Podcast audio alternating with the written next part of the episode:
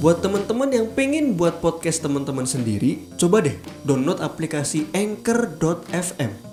Cara makainya tuh gampang banget dan juga 100% gratis. Nah, selain gampang banget digunain dan gratis, semua yang kita perluin untuk buat podcast juga tersedia di aplikasi Anchor.fm. Termasuk untuk distribusi ke Spotify dan platform podcast lainnya. Yuk, download aplikasi Anchor FM dan bikin podcast kamu sendiri sekarang.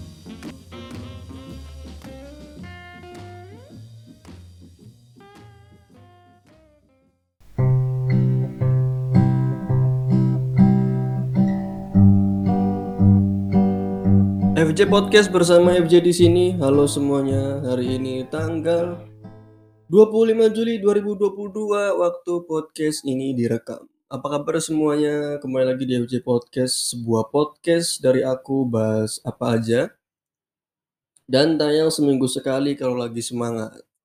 Apa kabar semuanya? Hari ini ah, banyak-banyak hal yang terjadi ya minggu ini. Bahkan semalam aja tuh baru ada berita soal Baim Wong masukin nama Citayam Fashion Week ke haki hak kekayaan intelektual Indonesia. Ini udah ini udah rame sih. Kemarin ada orang yang nggak sengaja, sorry ada orang yang sengaja bawa makanan ke bioskop karena dia kesel. Kenapa sih kok uh, bioskop itu tidak menegakkan aturan dia? Karena kan beberapa film itu ada yang genrenya remaja, dewasa. Nah dia nonton film yang genrenya dewasa tapi kok ada bayi yang bisa masuk ada anak-anak yang bisa masuk dan uh, pihak bioskop tuh nggak melarang itu. Dia akhirnya mencoba melawan itu dengan ngebawa makanan ke bioskop yang itu kan juga nggak boleh gitu. Nah itu itu bisa jadi uh, topik lain juga. Aku juga pengen bahas sih sebenarnya. Selain itu juga berita-berita yang uh, lumayan seru ya.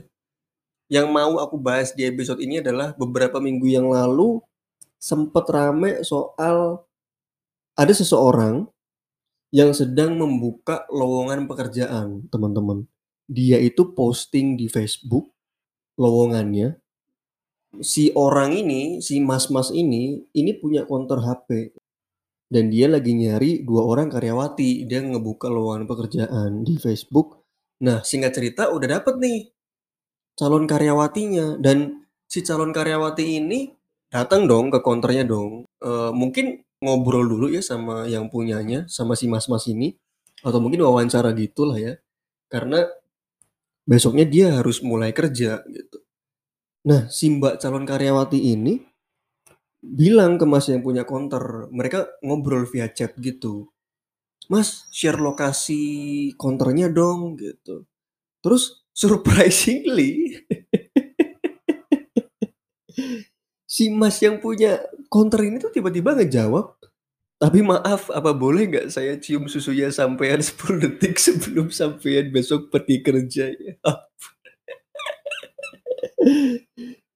Itu lucu banget sumpah. Dan bahasanya itu lucu banget, dia mintanya dengan sopan gitu loh, "Maaf boleh nggak nyium susu sampean 10 detik di kamar mandi counter? Satu kali tok ae nih, satu kali tok ae." Bahasa Jawa lucu banget sumpah. Ini postingan loker berkedok mesum ini, ini udah sebulan tapi kok masih lucu. Masih lucu banget coba. Sebulan loh, udah sebulan masih lucu banget. Maksudnya tuh lucunya tuh masih sisa. Buat teman-teman yang belum lihat nanti tak kasih linknya di description. Ini di Twitter sih, mungkin teman-teman juga belum tahu. Tapi kok bisa ya ada cowok kayak gini? Aku aku cowok dan aku heran loh. Dia itu mengekspresikan kesangiannya tuh out of the box sumpah. Aku aku ngebayangin kalau misalkan itu diucapin di real life ya, di dunia nyata, dia ngomong kayak gitu tuh bakal se-awkward apa gitu. Tapi yang yang pertama sih aku aku respect, dia itu sopan. Dia itu sopan gitu. Tapi kalau sopan nggak mikir ya sama aja sih sebenarnya. Dan Aku sempat mikir ini settingan apa ya? Tapi ternyata di komen-komen post Twitter itu, di komen-komen tweet soal loker berkedok mesum itu ternyata ada juga banyak korbannya ternyata yang hampir kena gitu. Dan ya itu itu memperkuat juga bahwa itu sebenarnya terjadi, hal itu terjadi gitu. Aku heran sih. Dan kata-kata ini tuh, "Maaf boleh nggak saya cium susunya sampean 10 detik?" Itu tuh jadi meme, jadi maksudnya di di diaplikasikan oleh orang-orang di tweet-tweet yang lain yang nggak nyambung sama kasus ini gitu. Tapi di balik kelucuan ini tuh banyak banget yang bisa dibedah dari kalimat ini gitu. Kenapa cuma 10 detik gitu loh. Mungkin cowok itu bermaksud untuk memancing cewek gitu. Dan mencoba meyakinkan gitu si cewek ini bahwa, "Ya aku butuhnya 10 detik doang." Tapi kan cewek pun, aku yakin juga nggak sebodoh itu kan teman-teman, ya. Kan nggak mungkin ceweknya bilang, "Oh iya Mas boleh 10 detik aja ya." Ya ampun kan nggak mungkin gitu. Pasti kan mereka kan mikirnya, "Ah, anjir nih bakal diewe gue nih," kan gitu kan pasti kan mikirnya. Dan bagaimana bisa dia mematok 10 detik itu waktu yang cukup untuk mencium susu gitu. Bagaimana dia bisa yakin gitu ya, yakin banget gitu, bahwa dia cuman butuh waktu 10 detik untuk, eee, ya itu tadi melakukan hal itu dan nggak lebih gitu. Dan gimana men, gimana ta tata cara pelaksanaannya? Apakah nanti dia bawa stopwatch? Apakah nanti si ceweknya yang style timer-nya 10 detik, "Ya 10 detik dari sekarang." Ya. Atau mungkin dia orang yang semampai ya kali ya, semenit tidak sampai ya. Semenit tidak sampai, jadi 10 detik itu cukup buat dia untuk bisa mencapai kepuasan seksual gitu. Ya nggak tahu juga sih, aku nggak tahu ya. Tapi even eee, bahkan ini bukti sebenarnya kalau misalkan bedanya cowok sama cewek ya teman-teman, cowok itu cuma butuh tempat. Dia itu cuma butuh tempat, even bahkan kamar mandi kontor aja digas gitu. Kalau cewek enggak, dia bisa main dia bisa itu logikanya itu di atas, eee, sangenya dia. Makanya banyak di internet, eee, dokter-dokter menjelaskan dan juga fakta-fakta tertentu bahwa sebenarnya cewek itu sebenarnya lebih sange daripada cowok. Tapi cewek itu bisa mengekspresikannya dengan hal yang luar biasa. Dia bisa kontrol kesangeannya dia eee, tanpa mengganggu logikanya dia gitu dan itu keren. Sebuah kemampuan dari cewek yang keren banget. Cowok enggak, dia sange di atas logika, makanya bisa keluar ketikan susu sampean 10 detik itu bisa keluar kayak gitu, gitu. Aku aja masih heran, again again, lagi-lagi aku cowok tapi heran. Ada banyak cowok-cowok yang pap apa sih pap tuh, ngirim foto kelaminnya dia ke stranger gitu di sosial media. Tiba-tiba aja jadi tiba-tiba ngirim aja ke siapa gitu, cewek yang random, cewek yang menurut dia seksi, cewek atau mungkin artis gitu, dengan harapan si cewek itu ngelihat dan ngebales gitu. Dan si cowok itu pede gitu, sebelum ngirim dia bilang, "Eh mau lihat punyaku nggak? Mau morning wood nggak?" Anjir morning wood, aku kira morning wood itu dulu orang yang nebang pohon pagi-pagi. Tapi ternyata morning wood itu ya ampun ngirim kelamin pagi-pagi. Aku nggak ngerti dengan bahasa gaul tuh nggak ngerti sih. Tapi maksudku kan itu kan sange udah melebihi batas kan teman-teman. Batas logikanya tuh nggak dipakai gitu. Dan again, lagi-lagi sosial media salah satu dampak negatifnya, ya gitu kita nggak bisa kontrol cowok mana yang lihat postingan kita gitu. Cowok mana yang udah, eee, make foto kita buat bahan fantasi mereka, ini ngeri sih sebenarnya. Iya kan, maksudnya aku juga kemarin sempet lihat video footage gitu, potongan video dari ustad, itu bisa jadi dosa jariah loh teman-teman dan itu, ya mungkin buat kita yang beragama itu bisa sangat berbahaya gitu maksudnya, sosial media gitu. Tapi kan sebenarnya poinnya adalah, sosial media itu terserah teman-teman kan, mau itu teman-teman sadar akan dosa atau enggak, karena kan kita adalah manusia yang biasa, eee, menerima dosa gitu. Maksudnya sosial media itu terserah teman-teman mau pakai buat apa, cuman misalkan teman-teman mau pakai buat upload foto seksi, ya terserah, tapi kan ketika turn back-nya ketika itu menjadi akhirnya cowok-cowok pada dateng ke ke Instagram temen-temen dan ngirim foto yang tidak senonoh yang yang teman-teman nggak expect sebelumnya, yang teman-teman nggak kira-kira sebelumnya, yaitu teman-teman nggak bisa kontrol gitu. Mungkin teman-teman bisa marah ya. Tapi mau se semarah apa pun tidak akan mengubah fakta bahwa cowok-cowok yang sange, yang otaknya konslet itu pasti ada gitu. Pasti ada teman-teman. Kemarin uh, aku kasih contoh soal JKT48 itu dulu membernya pernah ada yang speak soal apa sih namanya tuh kalau misalkan salkus salah fokus. Jadi kan mereka itu kan suka tampil di panggung pakai kostum yang minim. Sama kayak K-pop lah, suka tampil di panggung dengan kostum-kostum yang minim, kelihatan paha, segala macam. Dan cost dari itu, harga yang harus dibayar dari itu adalah cowok-cowok akhirnya ada yang ke Instagram pribadi mereka atau ke Twitter mereka ngirim foto yang kayak tadi morning wood atau salah satu harga yang harus dibayar. Terus ada member JKT48 yang speak soal itu, bicara soal itu. Tolong dong laki-laki uh, dijaga kenafsuannya itu dijaga. Ya nggak apa-apa kalau misalkan ngasih tahu kayak gitu nggak ada yang salah dengan itu. Uh, cewek-cewek berhak marah cuman ya perlu diketahui bahwa cowok-cowok kayak gitu tuh ada yang kotaknya udah konslet.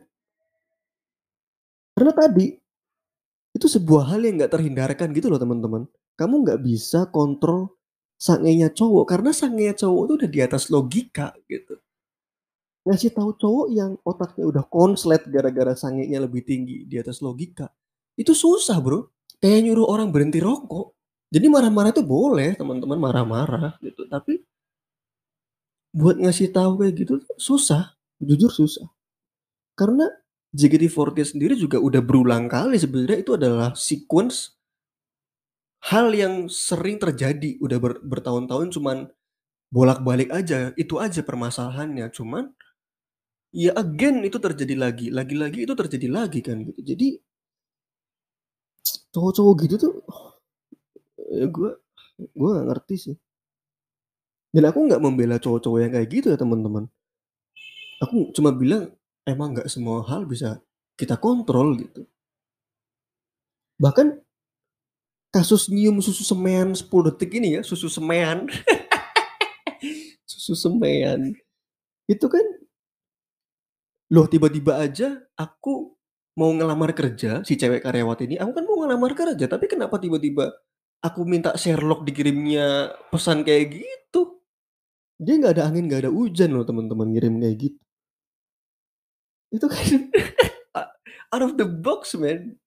Dan seru banget ngelihat reply di tweetnya yang uh, akhirnya orang-orang tuh pada dapat nomornya si mas uh, si mas yang punya jaga konter ini terus uh, ngirim pesan ke dia terus dia marah-marah apa segala macam itu seru banget sih tapi setelah beberapa hari ketawa dengan jokes itu aku sempat mikir apa jangan-jangan 10 detik itu fetisnya dia ya? Jadi em, dia emang punya fetis dia harus banget nyium susu cewek 10 detik gitu. Ya nggak tahu mungkin kalau 9 detik turn onnya nggak sempurna. Apa gimana? Apalagi kalau fetisnya dia tuh lagi kambuh gitu. Kalau itu sebuah fetis ya dan itu lagi kambuh itu menyedihkan teman-teman karena again lagi-lagi aku rada gimana gitu dengan konten-konten kemarin yang rame tapi it's all about me gitu.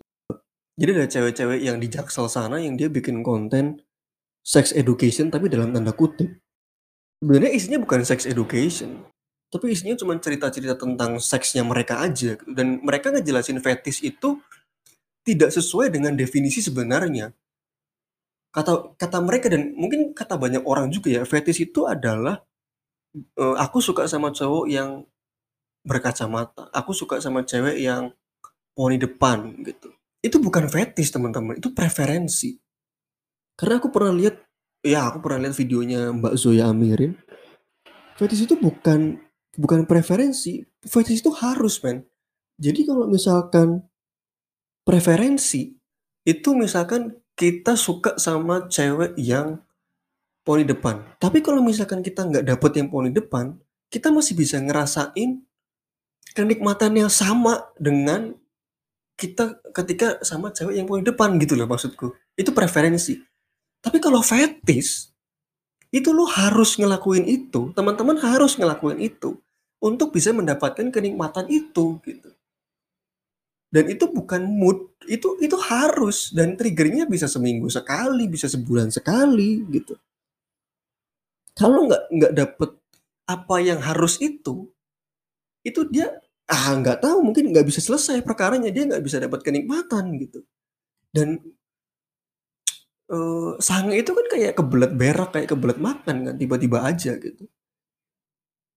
Nah, kalau kita kembali ke kasus susu semean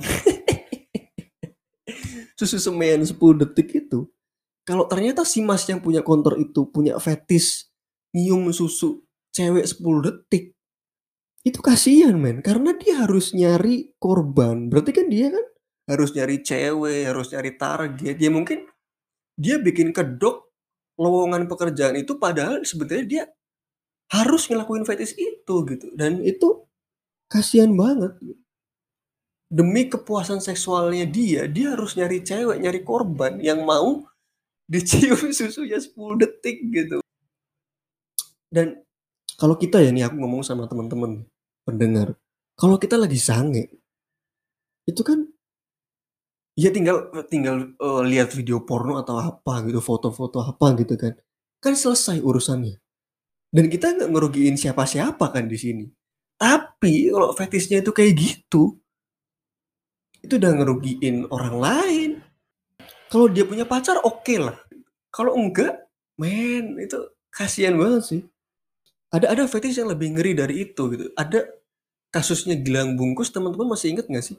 Yang dulu tahun 2020 kalau nggak salah, yang uh, dia nge-DM orang uh, cewek-cewek gitu nyari korban gitu dengan kamu lucu banget deh mau mas bungkus nggak gitu teman-teman inget nggak jadi si Gilang Bungkus ini dia uh, kuliah dan dia berkedok sebagai senior di kampus. Dia ngincernya cewek-cewek maba gitu. Terus dia coba DM mereka satu-satu. Uh, eh, DM yang kayak tadi gitu. Kamu lucu banget deh. Boleh mas bungkus nggak? Terus dia nyuruh si maba ini. Maba kan kebanyakan pada manutan ya. Pada nurut kan. Akhirnya si maba ini dandan nutupin seluruh tubuhnya pakai kain jari. Terus dia foto dia kirim ke Gilang ini supaya si Gilang ini bisa bisa mendapatkan kepuasan seksual dia gitu. Dan itu kan kasihan ya si Gilang itu dia harus itu hidupnya repot banget men kalau jadi Gilang atau jadi mas-mas konter ini kalau ternyata itu fetis. Dia harus repot-repot ngechat cewek maba dan itu dia harus ngelakuin itu just to satisfy himself gitu untuk menyenangkan dirinya sendiri dia harus marah-marah dulu mungkin untuk mencapai kepuasan yang yang dia punya gitu. Dan sekarang aku mau tanya sih sama teman-teman pendengar kalau kita punya gini apa teman-teman pengen punya fetish kayak gitu? Aku sih enggak loh. Maksudnya aku juga nggak pengen tiba uh, harus capek-capek ngecat cewek suruh bungkus dirinya dia gitu. Terus atau bikin lowongan pekerjaan supaya aku bisa mendapatkan kenikmatan itu kan nggak nggak nggak pengen gitu. Dan bersyukur mungkin kita tidak punya fetish yang aneh-aneh kan kalau kalau punya fetish aneh-aneh tuh capek banget man dan aku sempat mikir fetish itu kan bukan bukan maunya dia gitu. Teman-teman mode nggak sih? Apakah si Gilang bungkus atau si mas-mas counter ini kalau dia punya fetish dia mau yang kayak gitu gitu. Aku rasa enggak gitu. Jadi kalau kalau tubuh kita bisa memilih, kita kan nggak akan nggak akan pengen punya fetish yang kayak gitu kan? Iya nggak sih teman-teman muda nggak sih? Dan siapa yang bisa disalahkan dari fetish itu? Nggak ada, men. Nggak ada yang bisa disalahin kalau misalkan itu dari DNA-nya dia, ya mau nyalain siapa gitu. Dan kalau misalkan itu dari lingkungannya, lingkungannya dia, dia akhirnya dapat fetish itu, ya bukan salah dia juga gitu. ya kan bukan salah dia juga. Jadi mau nyalain siapa? Itu kasihan banget orang-orang yang punya fetish kayak gitu. siapa yang harus tanggung jawab atas itu gitu iya gak sih dan fetish itu tidak berhubungan dengan tidak masuk akal sorry tidak masuk akal dengan apa pun itu yang berkaitan dengan seksual. Karena gini dalam kasus pelecehan seksual teman-teman pelaku itu akan berusaha untuk melepas pakaian korban ya kan? Tapi kalau kasus gilang bungkus itu makin ketutup makin turn on gitu. Jadi an aneh gitu tidak masuk akal gitu jadi siapa yang disuruh tanggung jawab? Uh, aku pernah baca bukunya neuroscientist judulnya Free Will. Mungkin teman-teman bisa cari di Google. Ada beberapa hal yang memang otak kita tuh melakukan itu secara otomatis teman-teman. Terus beberapa detik sesudahnya baru ke trigger baru kita nyadar. Jadi ketika ada uh, orang yang bilang aku ngelakuin sesuatu tuh mikir dulu baru ngelakuin. Tapi ada juga yang ngelakuin dulu baru sepersekian detik ke trigger ya contohnya mungkin fetish itu gitu. Ketika sange itu ya mungkin tadi ya bener ya sange itu lebih dari logika itu tadi ya. Jadi ya udah tiba-tiba ngelakuin aja dulu. Nggak nggak nggak pakai mikir gitu. Dan ada fetish-fetish yang lebih aneh kayak misalkan harus dirubung lebah gitu. Harus dilubung dirubung lebah baru bisa sange gitu. Atau mungkin kalau kalau fetisnya itu tidak ada di tempatnya gimana ya teman-teman? Aku sempat mikir sih. Kalau misalkan fetisnya adalah uh, lihat unta dulu gimana coba? Harus ke kebun binatang dulu. Coba kalau ada kebun binatang di negaranya di kotanya kalau nggak ada apa harus ke Arab dulu? Iya gak sih? Dan dengan otak itu yang dia bisa ngelakuin sesuatu secara otomatis tanpa kita sadarin beberapa detik. Jadi pesannya dari Mbak Zoya Amirin ini adalah kalau teman-teman stres, kalau teman-teman depresi, tolong nangis aja. Nangis aja karena jangan cari pelarian yang bisa bikin tenang, memang tenang, bisa bikin kalian tenang, tapi ujung-ujungnya itu bisa jadi timbul sebuah fetis gitu. Jadi Mbak Mbak Zoya Amirin cerita, kadang kita lagi stres di rumah atau di mana gitu terus kita menemukan suatu barang yang bisa bikin kita tenang, bikin kita terpancing seksualnya, yang itu nggak kita pengen sebenarnya, otak kita memproses itu tapi kita nggak pengen sebenarnya, dan itu bisa berbuah fetis. Mungkin teman-teman lagi di rumah terus stres pegang sapu, sapu lidi atau sapu ijuk tiba-tiba sange gitu tuh bisa jadi fetis teman-teman dan itu ngeri. Makanya kata Mbak Suya Amirin, kalau teman-teman stres atau depresi atau punya apa pun itu, nangisin aja. Jadi cukup tricky sih masalah fetish ini apalagi kasus 10 detik itu. Ya mungkin memang bukan fetish ya teman-teman, cuman sange aja ya. Ini cuman entertain konten aja sih sebenarnya episode kali ini. Oke lah teman-teman itu aja episode kali ini untuk mengisi minggu ini. Aku nggak tahu apakah akan diupload hari Senin, kayaknya hari Selasa deh, agak telat satu hari. Nggak apa-apa deh, nggak apa. Terima kasih teman-teman udah dengerin episode kali ini fetish dan nyium susu 10 detik tidak jelas. Tidak jelas. Kita akan ketemu lagi di episode selanjutnya membahas sesuatu yang menarik. Terima kasih semuanya. Aku FJ pamit. BYE. Goodbye. Bye bye bye.